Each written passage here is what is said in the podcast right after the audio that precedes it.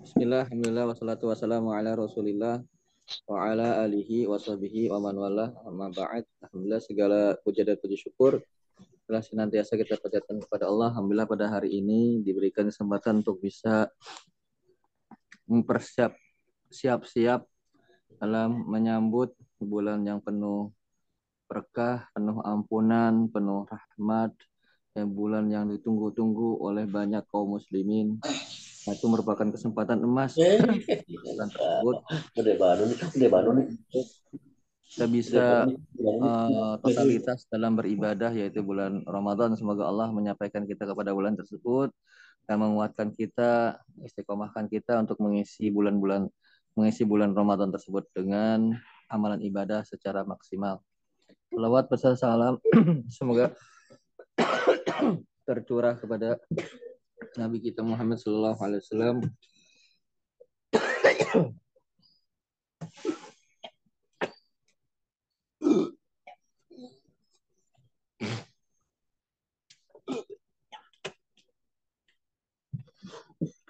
kepada istri beliau, karib kerabat beliau, sahabat-sahabat beliau dan orang yang mengikuti mereka dengan baik. Mohon maaf agak kurang enak badan jadi kalau ada eh, apa namanya iklan-iklan mohon dimaklumi. Adapun pembacaan buku kita pada pagi hari ini, insya Allah sampai halaman sekarang 45 yang di buku ya. Halaman 45 sama persis ya, sama enggak sama halaman buku dengan halaman yang bertuliskan tulisan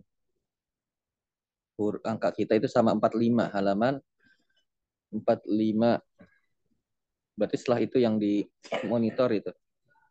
Nah terus nah itu. Sunanus saumi wa mustahabbatuhu. Sunnah sunnah. Di dalam puasa. Dan hal-hal yang disukai di dalam puasa. Sebenarnya sunnah sun, sunan itu jamak dari kata sunnah.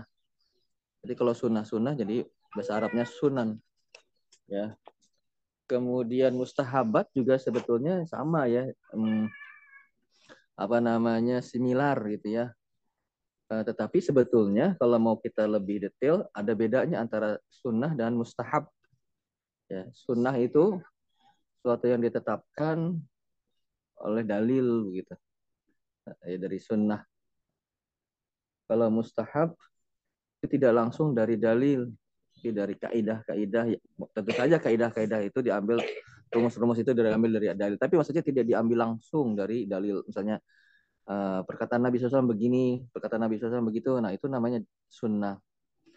Kalau misalnya ada misalnya ini diperintahkan cuman tidak harus maka itu mustahab demikian. Maksudnya intinya kalau sunnah itu langsung dia ada dalil kalau mustahab dia ada perantara dulu perantaranya dari kaidah atau uh, rumus begitu. Walaupun ya memang kata sunnah itu punya sinonim yaitu mustahab. Itu sunnah-sunnah dalam berpuasa. Nah, ini nanti perlu kita perhatikan ketika kita berpuasa ini. Ya, mumpung pahalanya besar walaupun sunnah. Karena sebagian orang menganggap kalau sunnah itu berarti boleh ditinggalkan kan gitu. Kalau makruh berarti boleh dikerjakan. Nah itu salah paham ya. Nah ini sunnah-sunnah ini seharusnya layaknya kita lakukan. Di antara sunnah untuk bulan Ramadan adalah pertama sahur. Ya ini ma'ruf ya. Sahur itu banyak keutamaannya. Oleh karenanya ya selayaknya kita tidak meninggalkan sahur ini karena banyak keutamaan-keutamaan dalam sahur dan dalam dalilnya Rasulullah memerintahkan kita untuk bersahur. Ya. Itu hadisnya tuh. Wahul Bukhari wa Muslim. An Anas dari Anas. Ani Nabi SAW qala as-sahur. Eh tasaharu. Apa enggak kelihatan. Tasaharu bersahurlah kalian. Tuh diperintah sama Rasulullah SAW fa inna maka sesungguhnya fis sahuri barokah dalam sahur itu terdapat keberkahan.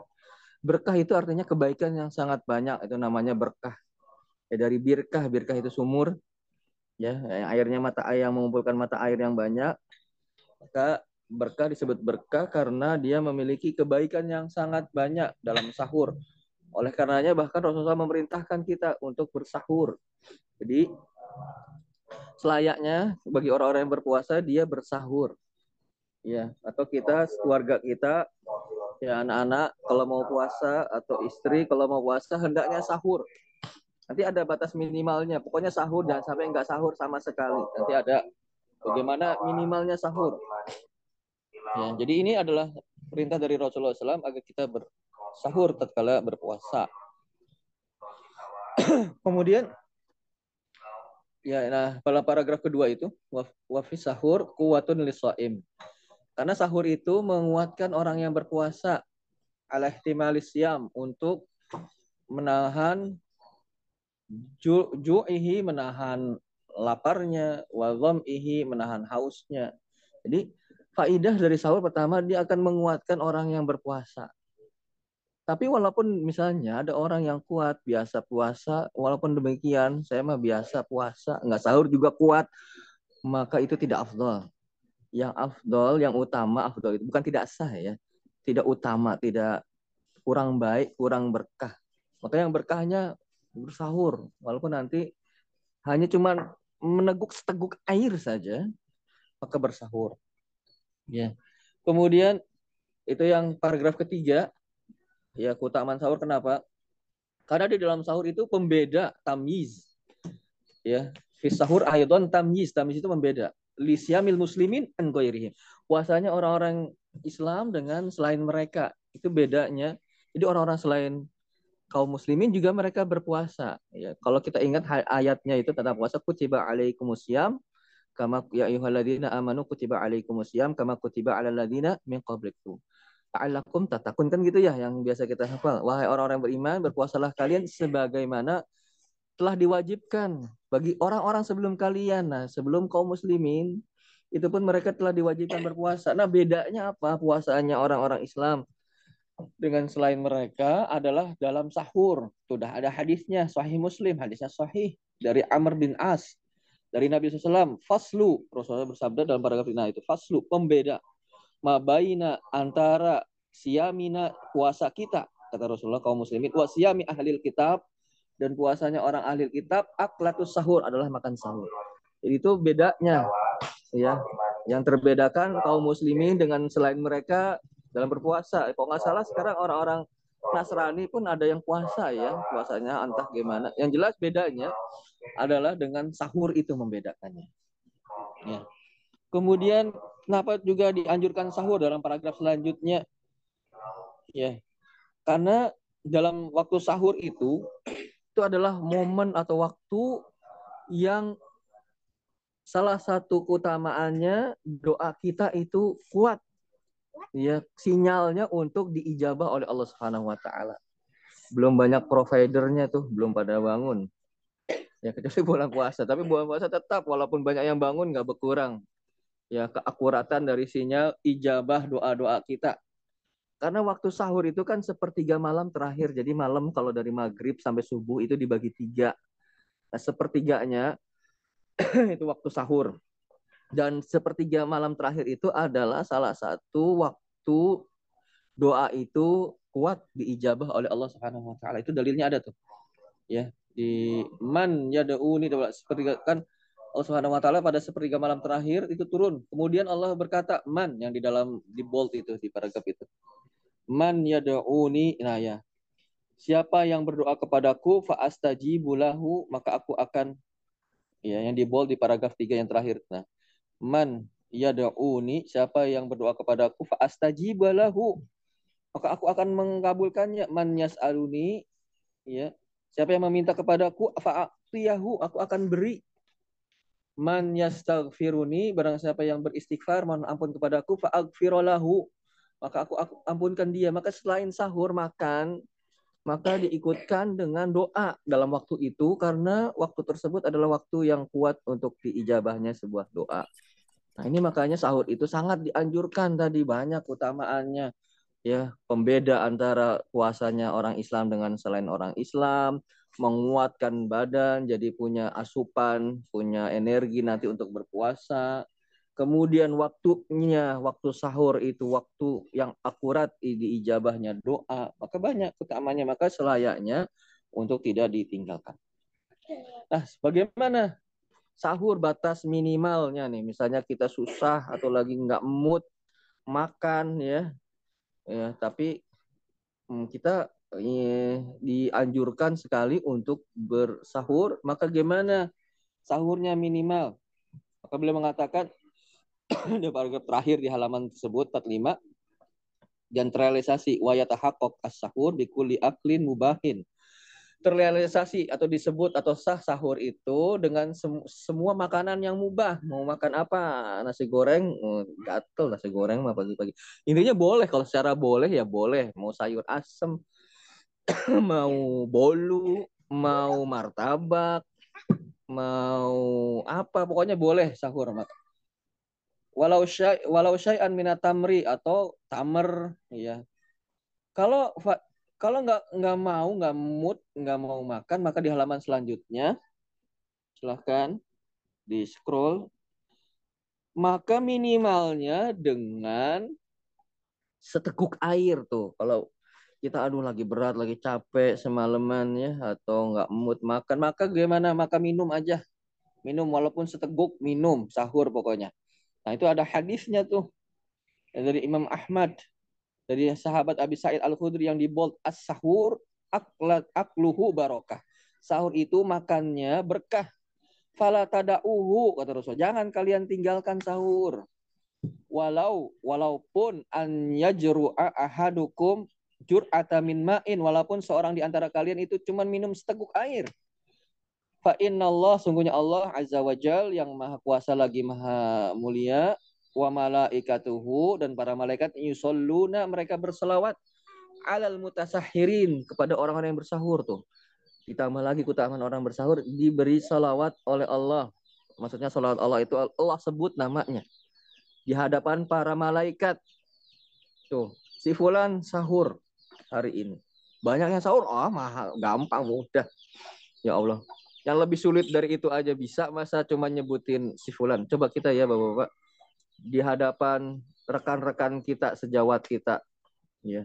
Kemudian dipanggil nama kita dipuji namanya. Kan lumayan tuh ya apa senang kan gitu ya. Nah, ini yang manggilnya bukan bos kita. Bosnya bukan bos ya. Tuhannya atau Robnya semesta alam.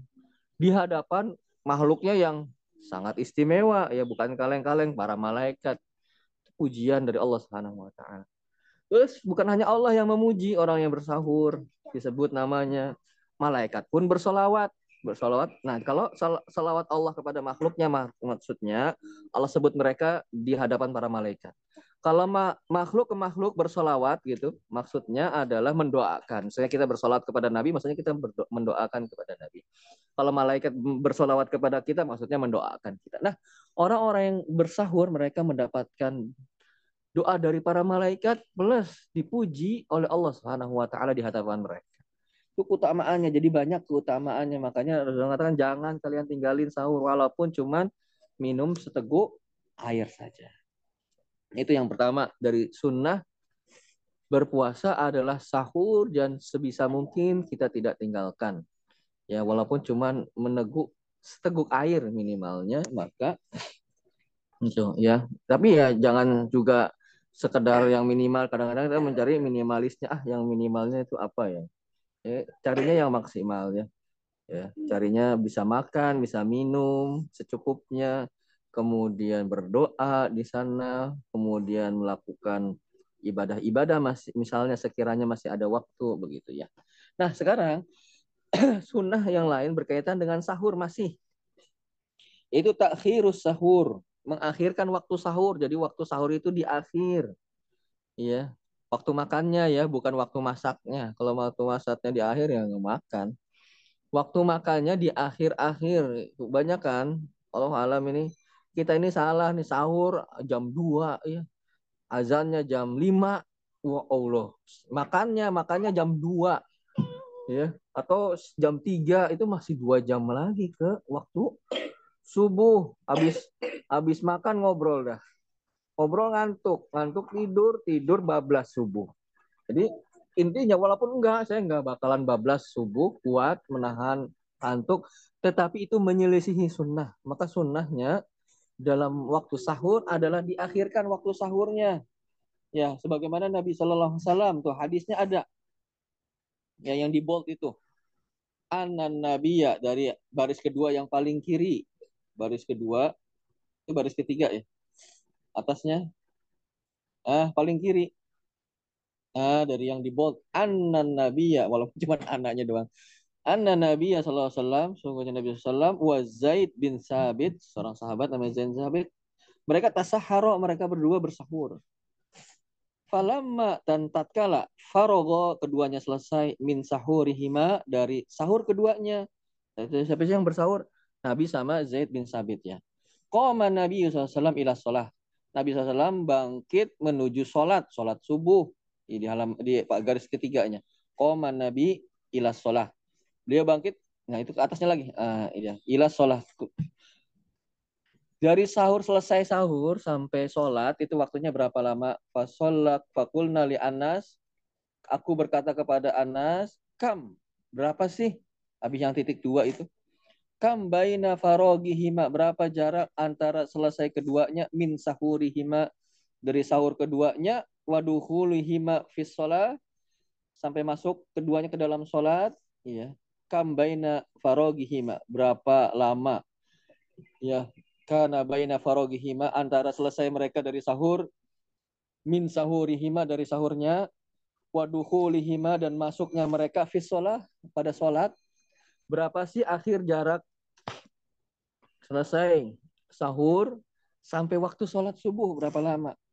Ola maka Anas berkata kakodri seperti mayakro'u seseorang membaca arrojul seseorang membaca khomsina ayat 50 ayat. Jadi dari selesai sahur sampai sholat subuh 50 ayat. Sholat subuh itu waktunya agak lama loh. Ya, berarti ini hampir-hampir mepet ke waktu subuh.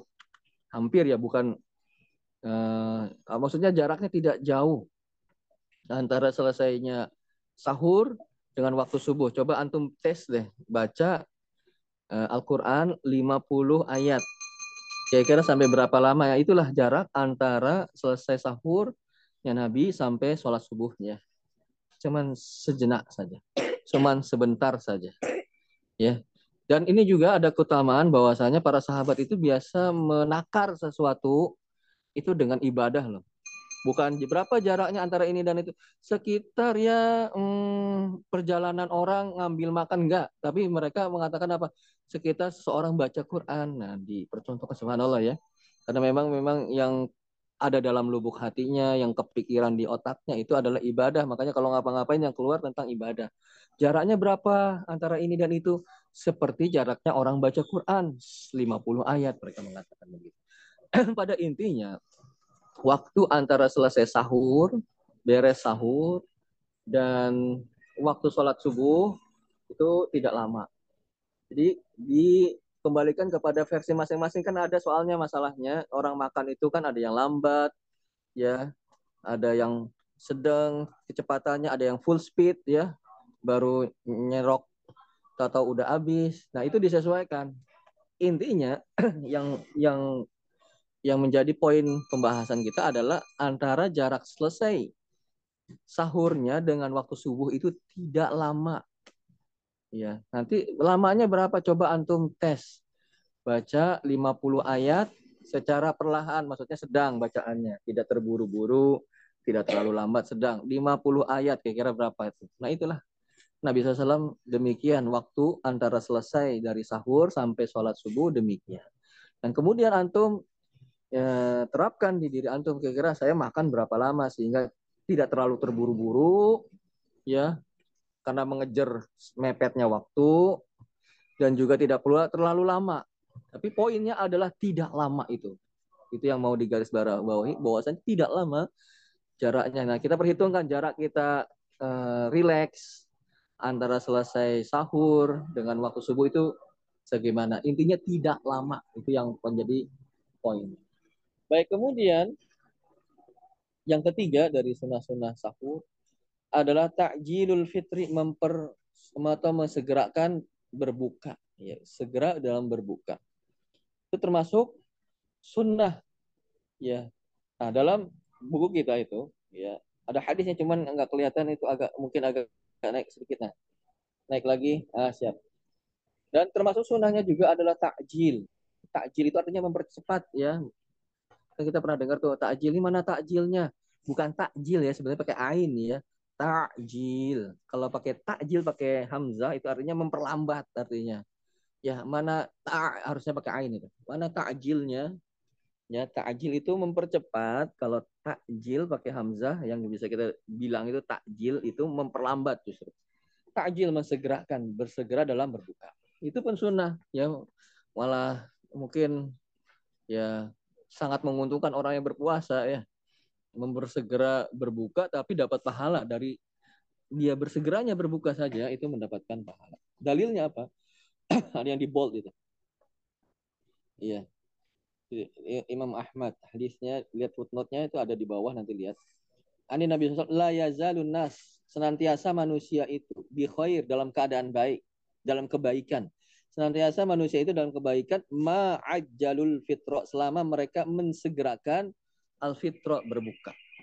Manusia itu akan dalam keadaan baik selama mereka bersegera berbuka. Gimana keadaan baiknya? Karena mereka mencontoh nabinya sallallahu alaihi Mereka melaksanakan titah dari nabinya sallallahu alaihi itulah kebaikan yang paling utama. Ya, kebaikan dari yang paling utama tatkala mempercepat berbuka adalah semangatnya manusia, semangatnya kaum muslimin dalam mencontoh nabinya yang memerintahkan mereka bersegera berbuka. Maka selama kaum muslimin mensegerakan e, berbukanya, maka mereka dalam kebaikan karena melaksanakan titah dari nabinya sallallahu alaihi wasallam itu yang paling utama. Itu yang apa namanya kebaikan yang paling utama. Nah, kemudian beliau mengatakan para penulis, nah yang dianggap dalam buka itu apakah tenggelam matahari atau azan? Nah, ini. Lakin hal al-mu'tabar guru busyamsi amil adzan, apakah yang dianggap ketika berbuka itu azan maghrib atau terbenamnya matahari. Ya kan kita kalau yang nunggu itu nunggu azan ya. Masalahnya kadang-kadang ya mudah kalau muadzinnya amanah ya itu yang kita harapkan ya kadang-kadang muadzinnya itu kurang amanah begitu. Maksudnya kurang amanah gimana? Dia tahu udah buka dia makan gorengan dulu, minum teh manis dulu ya itu kasihan ya. Yang lainnya yang umatnya lagi nunggu berbuka begitu ya seharusnya bagaimana muadzin ini juga bagi muadzin ya dia hanya membatalkan minum seteguk terus azan seharusnya yang dilakukan begitu biar orang-orang tahu itu sudah masuk jangan makan gorengan dulu ya mungkin naudzubillah ada sebagian lagi ngerokok dulu lagi ya itu mah udah lewat berapa lama maka yang dianggap sebetulnya menjadi patokan adalah terbenamnya matahari bukan azan Kenapa azan orang minggu? Karena memang waktu terbenamnya matahari seharusnya itulah waktu azan masuknya maghrib, ya. Tapi sebetulnya patokan utama dari berbukanya puasa itu bukan azan. Tapi patokan utamanya adalah terbenamnya matahari. Kenapa azan? Karena memang sebetulnya terbenamnya matahari itu adalah waktunya azan masuk waktu maghrib tersebut. Jadi yang dianggap adalah terbenamnya matahari. Seandainya antum bisa memastikan nih, atau punya dugaan kuat matahari sudah terbenam tapi adanya lama, maka yang dianggap adalah terbenamnya matahari. Ini ada dalilnya. Yang di bold idza lail. Jikalau telah datang itu yang bawah di ah, ya idza aqbala lail apabila malam telah datang. Min hahuna dari arah sini. Wa adbaron nahar min hahuna dan siang telah berlalu dari sini. Wa gorobati syamsu dan matahari telah terbenam. Dan matahari telah terbenam. Fakot aftoros soim maka orang-orang yang berpuasa itu berbuka. Maka yang dianggap adalah terbenamnya matahari waktu terbenamnya matahari adalah waktu berbukanya orang-orang yang berpuasa kemudian kita lanjutkan pada halaman selanjutnya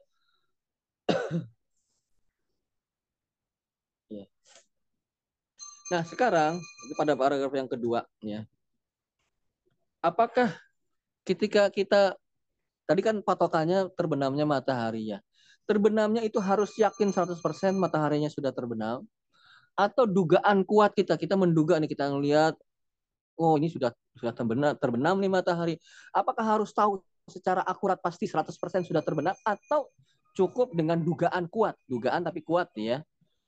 Itu namanya golabatul zon apakah dugaan kuat matahari sudah terbenam kemudian kita boleh berbuka ataukah harus yakin 100% akurat 100% matahari telah terbenam? Maka jawabannya adalah tidak harus dengan akurasi 100% matahari terbenam baru kita boleh berbuka.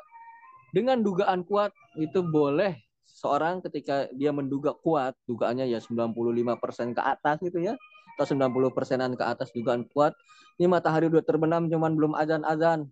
Atau ketika di mana ya, di tempat yang tidak terdengar azan di sana ya mau nunggu azan nggak bakalan azan orang di tengah hutan misalnya lagi tugas ya dinas ya. Kemudian maka diperbolehkan dengan dugaan kuat saja. Apa dalilnya? Dalilnya itu yang di bold di paragraf kedua. Ya aftorna. Ini dalil dalam Sahih Bukhari ya. af dari apa? Asma bin Abi Bakar. Yang beliau yang mengisahkan tentang hadis ini. Aftorna ala ahdin Nabi. Kami pernah, kami berarti beliau dengan para sahabat gitu ya, dengan orang-orang lain. Kami pernah berbuka di zaman Nabi SAW yauma goimin pada hari yang mendung, yang tertutup awan. Kan kalau tertutup awan nggak kelihatan tuh matahari terbenam apa enggak atau sulit ya. Fuma kemudian tolak ati syamsu abis itu berbuka di waktu itu apa eh, terhalang matahari, eh, mendung dan semisalnya. Kemudian tolak asyamsu. Ah, habis itu mataharinya muncul lagi ya, kelihatan lagi. Waduh, belum apa?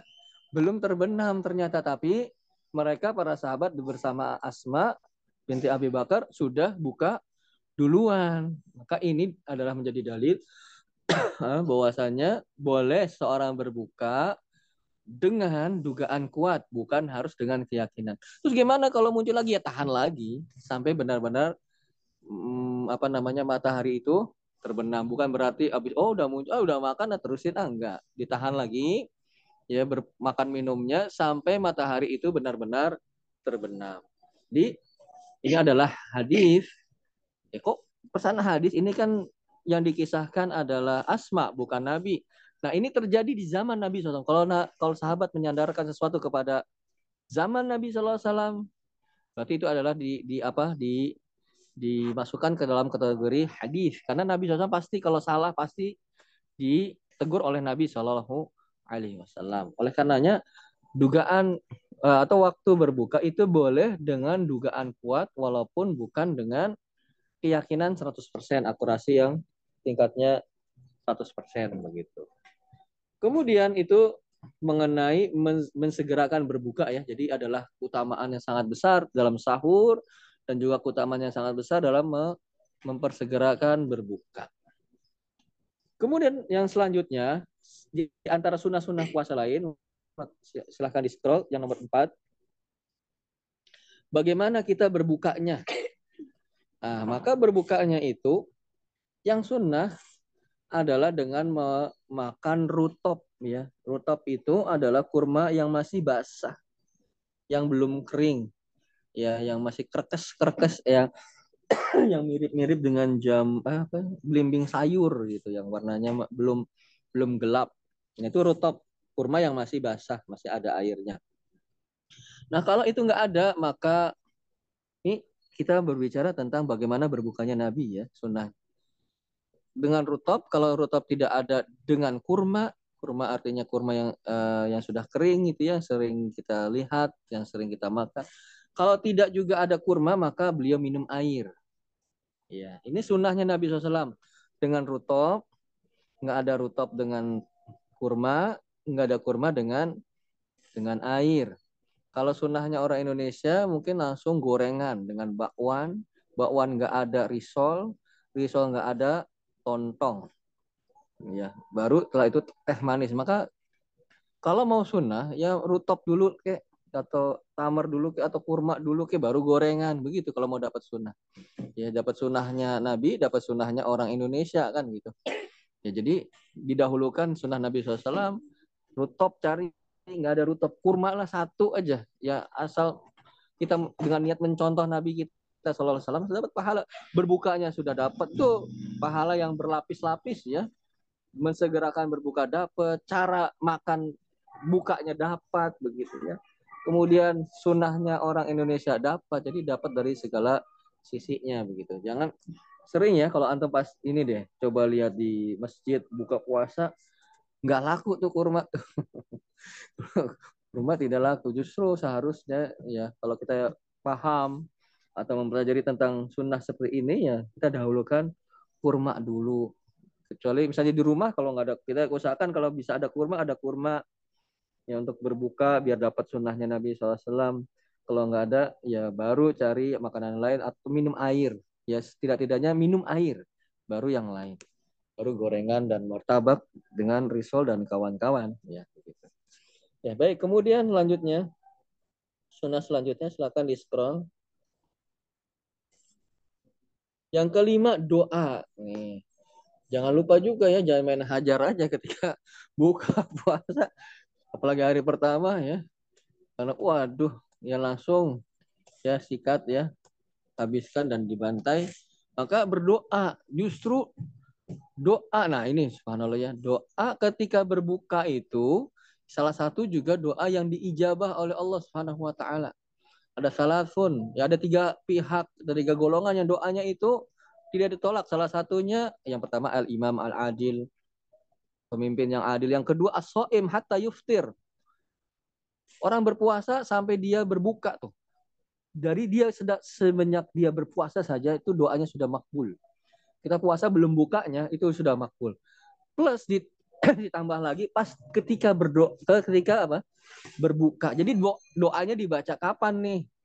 Mau mau buka mau makan gitu atau setelah makan atau kapan maka dibaca boleh. Sebelumnya sebelum kita mau membatalkan itu kita baca. Ya boleh setelahnya ya. Pokoknya ketika berbuka itu kita baca doa tersebut ya. Ya doa, doanya apa? Ini doanya. Zahabat zama'u telah hilang ya rasa lapar rasa haus.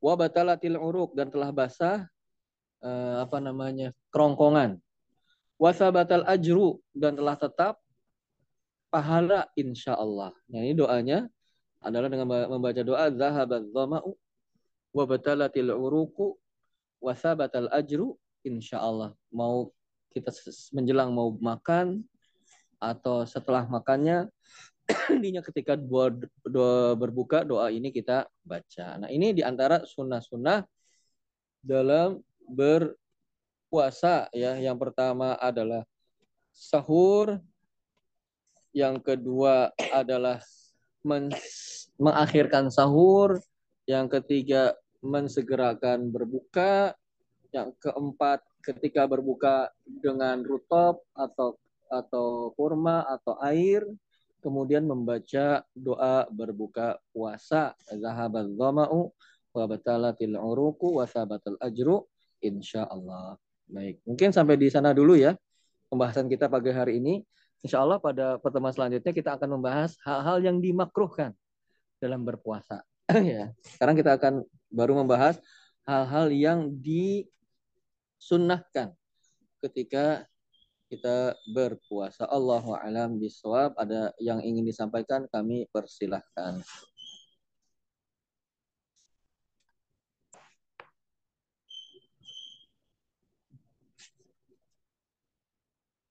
Ada yang ingin disampaikan Bapak-bapak? Ya, ada yang ya, ingin disampaikan? Ya. Oh cukup, Alhamdulillah. Atau saya tambahkan sedikit ya, bagaimana dengan doa yang kita sering dengar apa sih doa buka puasa itu? Boleh, Ustaz. Itu Ustaz. Ah, ya Pak Juli ya. Bagaimana dengan doa Allahumma lakasumtu? Terus apa gimana lagi doanya Pak Juli? Wa bika amantu wa ala rizkika afartu birahmatika Bagaimana dengan doa itu? Itu doa yang justru viralnya itu ya. Kalau kita viralnya itu bukan doa itu. Maksudnya yang banyak orang tahu itu doanya itu kan ya. Sebetulnya, ini kalau mau sebetulnya ya, doa tersebut hadisnya mursal. Mursal itu apa? Hadisnya terputus. Salah satu kategori hadis itu doif adalah terputusnya sanat. Terputusnya sanat itu macam-macam sebabnya. Nah, kalau yang hadis mursal, berarti dia ada rawi yang putus penyambungnya. Sebabnya, kenapa mursalnya? Ada seorang tabi'i yang bernama Mu'ad. Tabi'in ya, bukan sahabat ya. Nah, Mu'ad ini majhul. Majhul itu tidak diketahui, tidak dikenal. Jadi orang-orang yang sering meriwayatkan uh, hadis itu dikenal oleh para ahli hadis. Maksudnya tidak dikenal sama siapa? Sama ahli para ahli hadis bukan sama kita. Kok kita mah pasti nggak kenal. Ya. Jadi gini nih eh, pendekatannya. Seandainya di perumahan kita ada yang mengabarkan telah eh kemarin Pak Agus bilang begini. Kemudian orang di perumahan itu Pak Agus di sini nggak ada namanya Pak Agus siapa Pak Agus? Nah, itu majhul namanya tidak dikenal. Demikian pula dalam eh, apa nama lingkup ahli hadis seorang tabi yang bernama Mu'ad tersebut tidak dikenal siapa. Maka hadisnya majhul, maka mursal. Ya, hadisnya doaif. Ya, nah, tetapi Allah alam bisawab. Sebetulnya kalau dalam berbuka itu selain doa yang tadi zahabat dhama'u dan yang lainnya itu boleh kita berdoa dengan doa apa saja. Boleh kalau dengan Allahumma lakasum tuh boleh nggak? Boleh. Sebetulnya. Atau dengan yang lainnya boleh nggak? Boleh. Dengan doa yang lainnya. Boleh saja.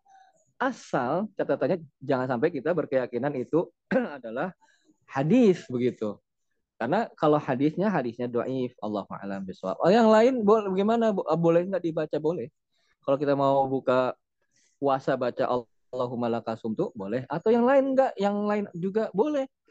Ya Allah, terimalah misalnya puasa saya, ya Allah, berkahilah keluarga saya, ya Allah, panjangkan umur saya dalam kesehatan dan ketakwaan. Ya Allah, berkahilah umur saya, boleh. Ya, jadi boleh membaca doa apa saja ketika berbuka dan itu adalah salah satu ya eh, waktu diijabahnya doa tatkala ber, buka puasa sebelum puas maksudnya sebelum berbuka sebelum makan atau ketika makan juga sambil berdoa boleh. Setelah makan juga terus berdoa. Nah pokoknya tatkala berbuka itu sebelum sedang setelah ya itu dengan doa-doa yang diperbolehkan. Allah alam begitu Pak Juli bisa diikuti Siap, Ustaz. Terima kasih. Bahkan ya, had, uh, hadis yang Allahumma lakasum itu itu didoaifkan oleh Imam An-Nawawi loh. Dalam majmu' fatwanya ya. Imam An-Nawawi itu kan masa Syafi'i ya ulama mujtahid madhab. Beliau mendoaifkan hal tersebut. Ibnu Hajar juga mendoaifkan hal tersebut dalam futuhatnya. Tapi boleh nggak dibaca? Boleh. Ya, boleh dibaca. Itu karena doa secara umum dengan pokoknya selain itu boleh nggak? Ya boleh yang apa saja doa apa saja boleh untuk dibaca ketika kita berpuasa, berbuka puasa. Allah alam bisawab. Ya. Mungkin sampai sini dulu ya Bapak-bapak. Insya Allah pada pertemuan selanjutnya kita akan bahas hal-hal yang dimakruhkan ketika berpuasa. Ya. Mudah-mudahan kita diberi kesempatan untuk bisa terus mempelajarinya. Allah alam bisawab. Terima kasih kepada Bapak-bapak, Ibu-ibu yang telah meluangkan waktunya. Semoga Allah membukakan pintu uh, uh, ilmu kepada kita. Semoga Allah Subhanahu wa taala mengistiqomahkan kita. Semoga Allah Subhanahu wa taala menguatkan kita dalam mengamalkan apa yang kita pelajari. Allahu a'lam bishawab. Subhanakallahumma wa bihamdika.